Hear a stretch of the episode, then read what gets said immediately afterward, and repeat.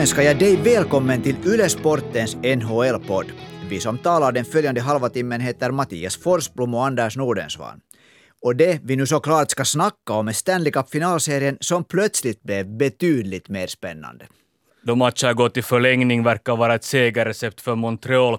I natt kom den sjätte segern på sju förlängningar.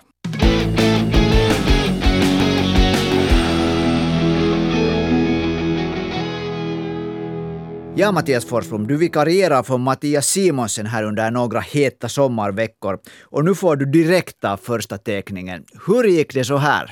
Tampa Bay var ju det bättre laget i den här matchen, men den här gången så gick det inte som det brukar, det vill säga att Tampa Bay är effektivt och lagets målvakt Andrei Vasilevski spikar igen. Tampa Bay hade i den här matchen tre stycken riktigt farliga stolpskott som man inte fick utdelning på. Och dessutom så missar man ju här eh, fyra minuter powerplay, en del i slutet av den ordinarie matchtiden och en i förläggningen och när man inte utnyttjade de här chanserna så tog Montreal vara på, på läge och kunde avgöra tidigt i förlängningen. Men jag tycker det här var liksom ett ganska så här typiskt sätt för Montreal att, att vinna matcher under det här slutspelet. För det är ju inte första gången vi ser att Montreal ligger ganska ordentligt under när man tittar på spelet. De, de är tillbakapressade, de spelar mycket boxplay, eh, andra laget har mera chanser och så lyckas Montreal på något sätt vända matchen och vinna. Så jag tycker egentligen att det här kändes liksom, äh, det, det kändes som det, det bekanta Canadiens. För Canadiens ska vi komma ihåg att de var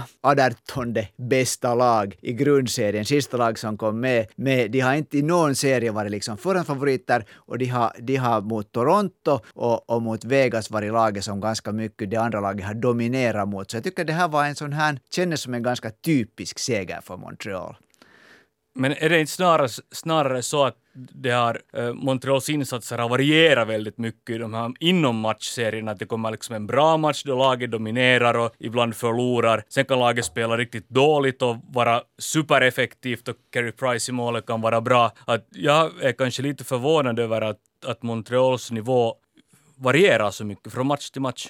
No, jag, jag tolkar det på det sättet att de har, de har liksom, där de har presterat bra så har de presterat på sin absoluta toppnivå. De har, då har det verkligen lyckats. nu var det ju som en, hur ska vi säga, det var nästan som hela slutspelssäsongen i en match, det vill säga, det vill säga först kom Tampa Bay ut och dominerade helt stort första perioden. Och helt surprise, surprise, de lyckades inte göra mål på sådana chanser som Tampa Bay har varit helt grymt kliniska på under hela slutspelet. Sen lyckades då Montreal få det här första målet och då tog de tog de liksom över matchen lite till en stund. Det såg, det såg bra ut, de spelade jättebra. Sen kom Tampa in på nytt och, och kopplade liksom ett grepp. Men, men, men det, var, det var liksom nu var det Tampa som, som det där hade, hade stolpe ut, vilket de verkligen inte har haft många gånger den här slutspelsserien. Så det där, äh, det, det, var, det var en ganska intressant matchbild. För jag måste nog säga att i det skedet som i slutet av tredje perioden, först, först då när, när Pat Maroon lyckades utjämna till 2-2 så kändes det nog som att okej, okay, att nu kommer det här att vara, nu, nu, liksom, nu, nu knäcks Montreals ryggrad. Och sen då fick Shea Weber 2 plus 2, så att tre minuter och det kom ännu in, in i början av förlängningen. Så det, det kändes som en dödsdom. Men där var nog Carey Price som, har, som verkligen inte har varit så bra nu i finalserien. Så där visar han nog igen att, att det där att han är en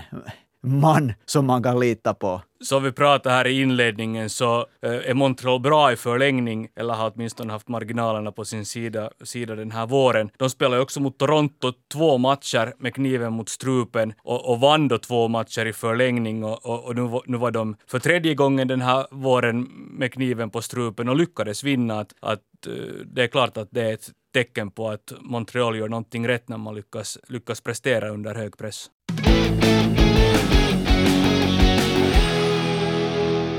Nu åker man iväg till Tampa där det, det kan hända att man inte alls att det inte alls går att spela natten mot torsdagen för där är någon sorts storm, tropisk storm kommande så, som kan förorsaka problem. Men i alla fall så följande match kommer att spelas i Tampa. Vad ska vi tro? Va, vad händer till näst?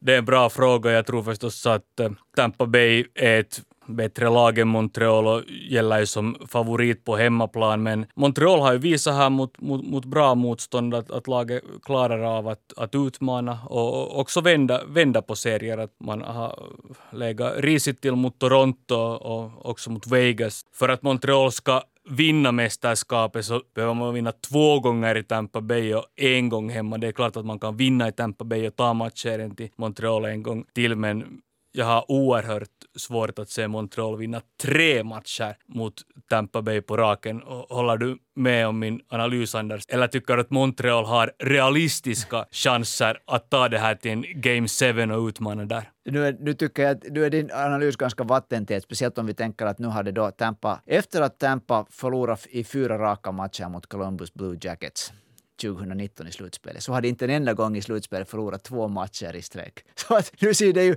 nu ser det ju liksom ut som ett berg som är ganska otroligt högt för Montreal att kliva. Men men det är liksom, jag tycker det blir på det sättet, det, det där psykologiska spelet är alltid så intressant. För att där, där man såg, i, i, tycker jag, speciellt i match tre, hur Montreal såg ut, att ha, ha liksom tappat tron. Så nu, nu kom de på, från avgrundens brant och lyckades vinna en match där, där nog man kan säga att, att, att, att stolparna, var, stolparna och ribban var på Montreals sida. Det där för, för Tampa hade sådana chanser. De vann den här matchen. Så nu blir det här att, att nu är det bara att vinna en, spela en match i, åt gången och nu har nu flyttas det ju lite över så att nu börjar Tampa ha tryck.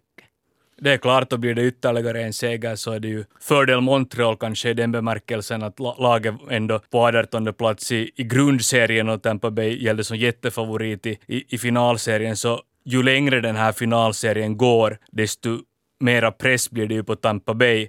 Oftast så när man leder med 3-0 i en, en sån här matchserie som kräver fyra segrar så brukar laget som leder med 3-0 förhållandevis ofta också vinna den fjärde matchen för att laget som ligger under är kanske lite uppgivet. Så den som tycker om att titta på Stanley Cup-finaler kan ju hoppas på att Montreal på något sätt lyckas eh, vinna också den femte matchen i Tampa, för då blir det nog riktigt spännande om Tampa Bay dessutom känner pressen. Och det där när du sa att, att de brukar, brukar vinna den fjärde matchen, men de brukar också vinna Stanley Cup om man leder med 3-0. Det har hänt senast 1942 att, att ett lag som ledde med 3-0 inte vann. Då var det Detroit Red Wings som ledde över, över Toronto Maple Leafs med 3-0 och Toronto Maple Leafs lyckades vända på den matchen. Då var det Original Six och det var en annan värld, så det har gått ganska länge sedan.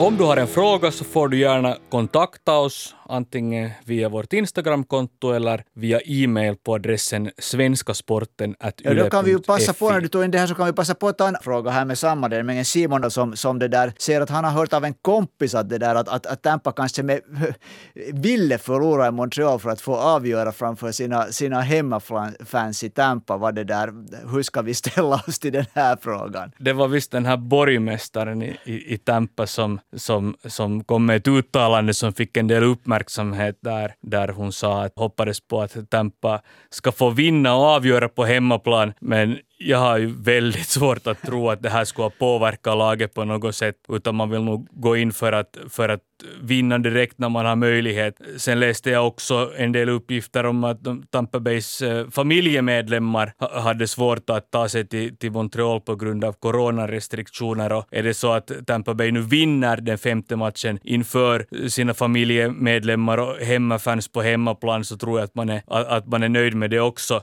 Det är dumt att, att leka med elden uh, i en Stanley Cup-finalserie. Man har definitivt inte, inte råd att ge, ge bort några, några segrar åt motståndarna, men jag är rätt så fast beslutsam om att, om att Tampa Bay kommer att vinna det här. Förmodligen redan hemma i den femte matchen, men senast i den sjätte matchen som spelas i Kanada.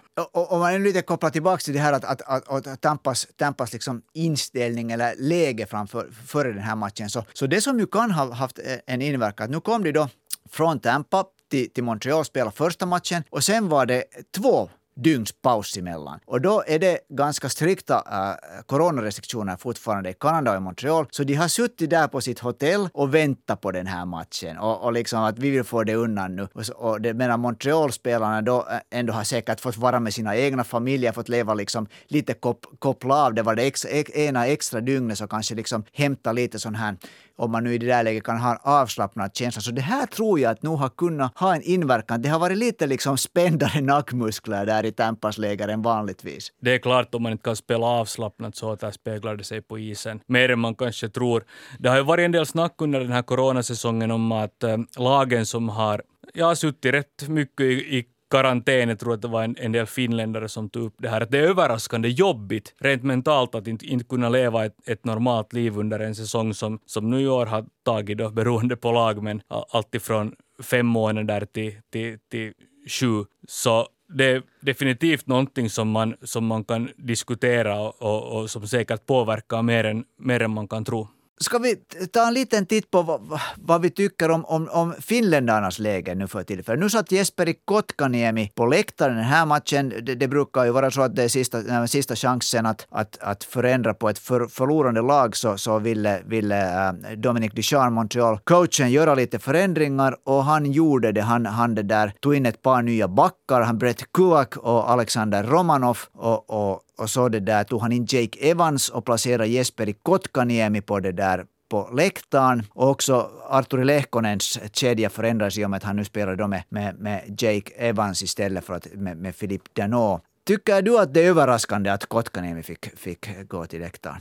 Han har ju suttit på läktaren tidigare i slutspelet också, så det här är ju uppenbarligen en, en, spelare som, som kan offras om, om det är så att Montreals tränare vill, vill, vill göra förändringar i, i laguppställningen. Kotkaniemi är ju, är ju förstås en, en kreativ offensiv spelare, men samtidigt i slutspelet så har han en tendens att ibland, ibland göra markeringsmissar och, och, och defensiva missar, så jag tycker så här generellt att det inte alls är överraskande att en ung spelare som Kotkaniemi får, får nöta lite läktare sporadiskt. Jag kan tänka mig att, att han är tillbaka i nästa match även om, om, om det gamla ordspråket heter att man inte ska förändra ett vinnande lag. Alltså, där tror jag, jag tror igen att han, att nu, jag tror nämligen att den här principen är betydligt mer viktig där i Nordamerika än, än kanske till och med hos oss. Jag tror nämligen att nu när de har ett vinnande lag så kommer de att fortsätta med det här vinnande laget. Och jag var inte heller förvånad över att Kotkaniemi äh, satt på läktaren. Det Sen tycker jag kanske igen att, att, att han får lite nu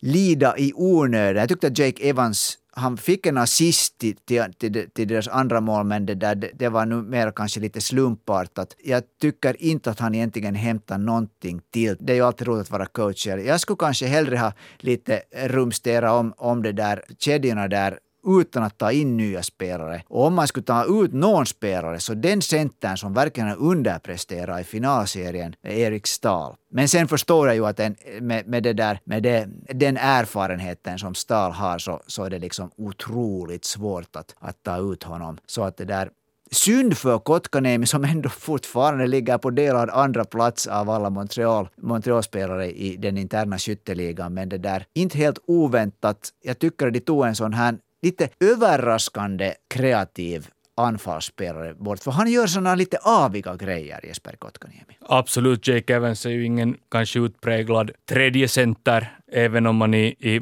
Montreal kanske inte har så här utpräglade första, andra, tredje och fjärde kedjor, utan det handlar kanske mer om, man, om att man har två, tre stycken kedjor som kan producera offensivt och sen, sen rätt så offensiva namn i, dem, i, i bottenkedjorna, så det handlar om en ganska så jämn, jämn laguppställning. Arturi Lehkonen spelar ju i tredje kedjan tillsammans med Jake Evans och Paul Byron och han brukar ju kliva fram när det verkligen gäller. Nu skymde ju Arturi Lehkonen Tampas målvakt på ett föredömligt sätt i samband med 2-1 målet av Alexander Romanov vad tycker du, Anders, om den sekvensen och Lehkonens helhetsinsats i den här matchen? Lehkonen hade ju mycket att förbättra på från förra matchen. Då för där, där liksom tappade han puck, pucken på ett, det ett läge som han inte skulle få tappa pucken. Han skulle spela den djupt och det blev ett mål tio sekunder senare var pucken i Montreals mål. Jag tycker att han gjorde en typisk Arturi Lehkonen-match nu, det vill säga att han, han, han det där kämpa, gjorde liksom äh,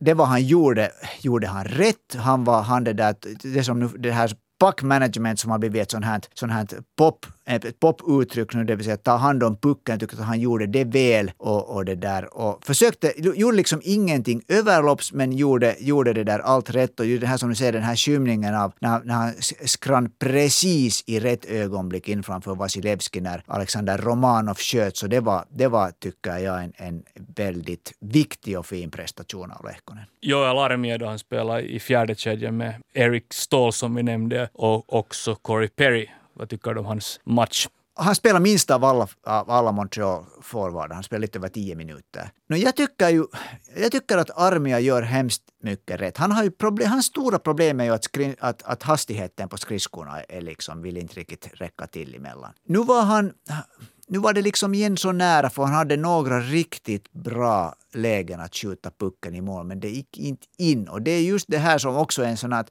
att, att det finns hemskt få förklaringar. Han är, han är skicklig med pucken, han, är, han vinner ofta, nu vann han också många närkamper, men så får han de där lägena och, och så är han, det kommer alltid emellan att han gör mål. Han gör ofta två mål i samma match, men så kommer det långa perioder där han inte gör mål. Och nu just tycks han vara inne i en sån här lite svårare period och det där det skulle ha gjort så gott åt honom. För att han, om han skulle ha gjort, det är klart om han skulle ha gjort ett mål så skulle han ju ha varit hjälte där. Men då skulle hans insats också liksom det, all, allt annat som han gjorde bra, han, han var verkligen bra på att bryta, bryta och, liksom göra omställningar i den här matchen. Han gjorde mycket rätt. Så det där. Jag tycker han gjorde en bra match, men det frustrerar mig att han är ineffektiv de som följde med Armia i unga år kommer ihåg honom som en utpräglad målskytt i junioråren och, och sen i Nordamerika så har han förändrats lite av en, av en sån sniper till en defensiv spelare och det handlar säkert mycket om att, om att farten på skridskorna inte, inte räcker till i Nordamerika och då, då han, har han på ett framgångsrikt sätt förändrat sin spelstil till att, till att istället vara en, en mångsidig ytter som kan göra mål men inte som lever på sina mål utan, utan han, han bidrar i en, i en defensiv roll med med, med ett visst offensivt hot.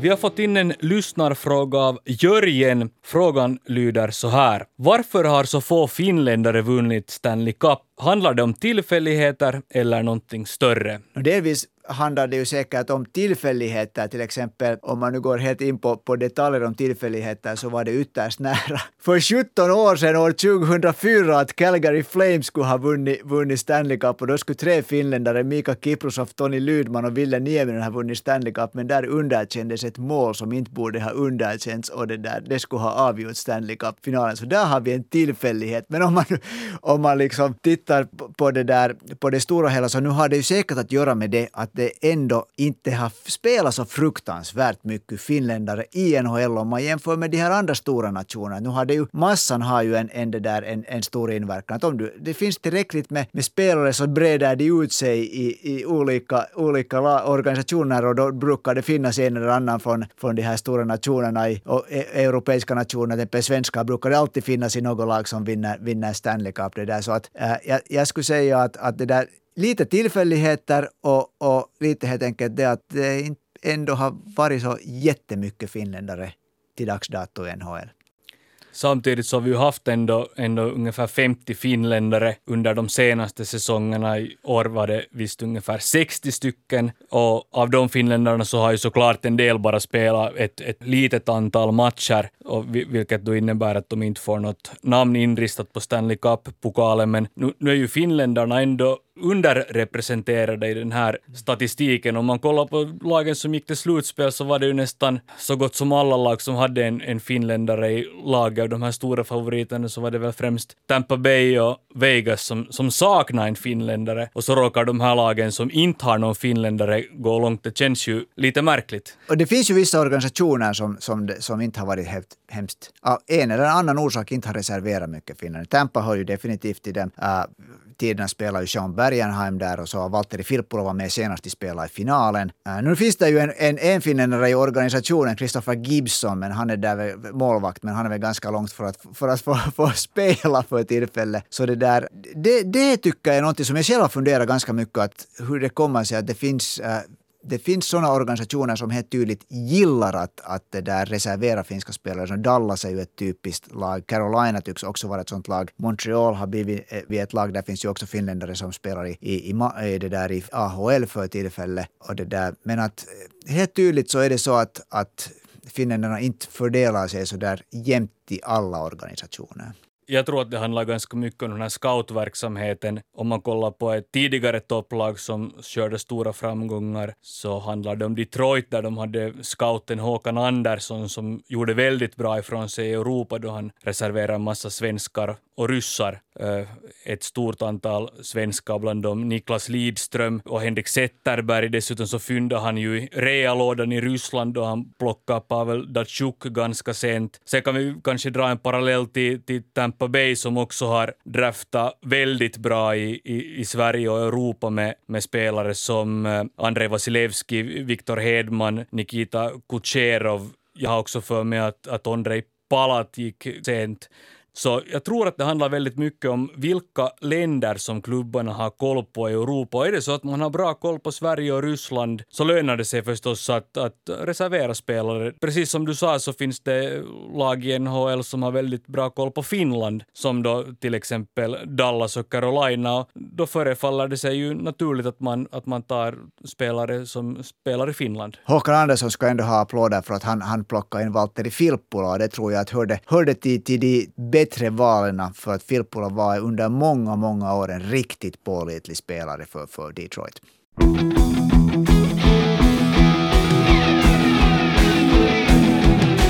Anders, du skrev i fredags en NHL-kolumn där du uppgav att eh, det finns en risk för att eh, NHL-spelarna inte kommer att spela i vinter-OS i februari. Har vi hört något nytt om det här nu? Det var ju en verklig kalldusch som, som, som kommissionären Gary Bettman levererade för en dryg vecka sedan inför, inför när, när finalserien skulle börja. När han, höll sin, han har alltid en presskonferens före, före Stanley, Stanley Cup-finalerna börjar. Och, och då kom det fram att det nog är långt ifrån klart att NHL-spelarna kommer att vara med i, i Peking. Någonting som ju alla har gått och trott att det är liksom klappat och klart i och med att i princip NHL, PA, alltså facket, spelarfacket och ägarna så att säga kom överens om att jo, att vi, vi, vi förnyar kollektivavtalet. Det här hände förra hösten. Fyra år, förlängade med fyra år. Men ett stort villkor där var att, att NHL-spelarna får åka till OS, vilket ju spelarna vill. De vill representera äh, sitt, sina land i OS, medan ägarna ägarna har hela tiden ställt sig mycket kritiskt till att mitt i säsongen låta sina, sina stjärnor åka iväg till OS.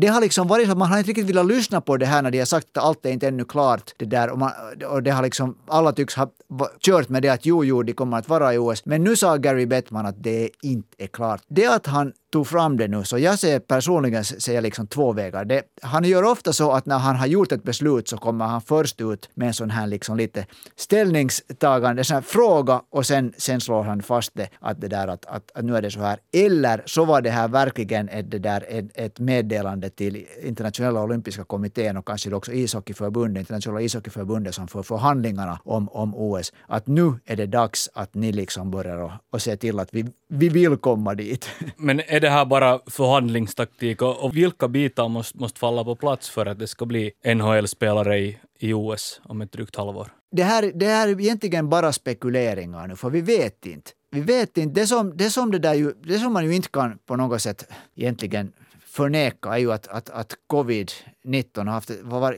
orsakat grum, grymma problem för NHL. Det blir en, det där, en kort sommarpaus, det börjar en, en ny säsong ganska snart. Det blir ganska tungt för spelarna. Äh, så och inte bara ganska tungt utan mycket tungt, men de vill själv till OS. Men den här covid-delen tycker jag, det, kan, det, det liksom tycker jag att NHL har verkligen orsakat sig att, att, att det här har varit hårt, att, att, att, att världen ser inte ut på samma sätt, att vi trodde det skulle gå snabbare. Det tycker jag att det är svårt att argumentera mot det någonting, och det här kan jag ha hundraprocentigt fel i, någonting tycker jag att det finns mellan raderna där att det gäller sånt som, som det där IOK, internationella olympiska kommittén, har, har rättigheter till och inte vill ge till NHL och då, då tror jag det gäller kanske marknadsföring av NHL i OS-sammanhang och att NHL får, får det där använda material, bildmaterial, videomaterial på sina olika plattformar. Det här OS i Peking, det har snackats om det i ganska så många år, om att det är en stor chans för NHL att marknadsföra sin produkt på en ny marknad, alltså i Kina. Det var ju inte fallet då man spelade i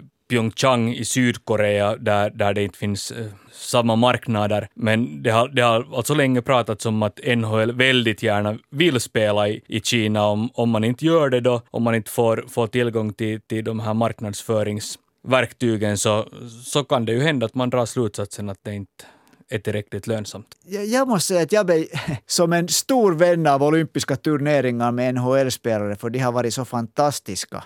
Jag på något sätt så verkligen mörka moln. För den, här, han, den här Bettman som ju representerar ägarna, det är ju inte hans egna åsikter på det sättet, men fast han säkert leder ganska mycket också det där åsiktsbildande inom, inom, inom när, han, när han diskuterar med ägarna. Därför han är där, för att han är mycket skicklig på sitt arbete. Han har, han har det där gjort utmärkt arbete för NHL. När han säger så här så så det där, jag, fick, jag fick nog en känsla av att det är en verkligt stor risk att det sen heller inte blir en HL-spelare i OS. Men jag hoppas, hoppas innerligt att jag helt ser spöken det är ju en risk för grenen det här också, att man tappar, tappar PR-värde om man inte lyckas liksom marknadsföra grenen konstant. Vi har ju sett i fotbolls-EM nu att, att de här landslagsturneringarna är ju väldigt viktiga för det, för det breda intresset och också för barn och ungdomar att, att, att kunna se sina stjärnor i landslagsdressen. Ett väldigt populärt koncept som folk tycker om. Att om man, om man går in för att totalt skrota landslagshockey med, med världens bästa spelare så ishockeyn som gren kommer ju nog att betala ett pris förr eller senare jag tycker på samma sätt som du, men sen när vi liksom skiftar perspektivet, att vi tittar, tittar från NHLs sida på det, så, så det där de anser det att Stanley Cup och NHL är det som ishockeyn ska handla om. Alla de bästa, världens typ 800 bästa spelare finns där med några få undantag. Och det där intresset för NHL tror jag att inte minskar på något sätt egentligen oberoende av vad de gör. Och det är det liksom på något sätt det där tragiska, att det är liksom att, att, att, att uh, vi här i Europa så och, det här gäller också internationella ishockeyförbundet, så är ganska hjälplösa egentligen mot NHL.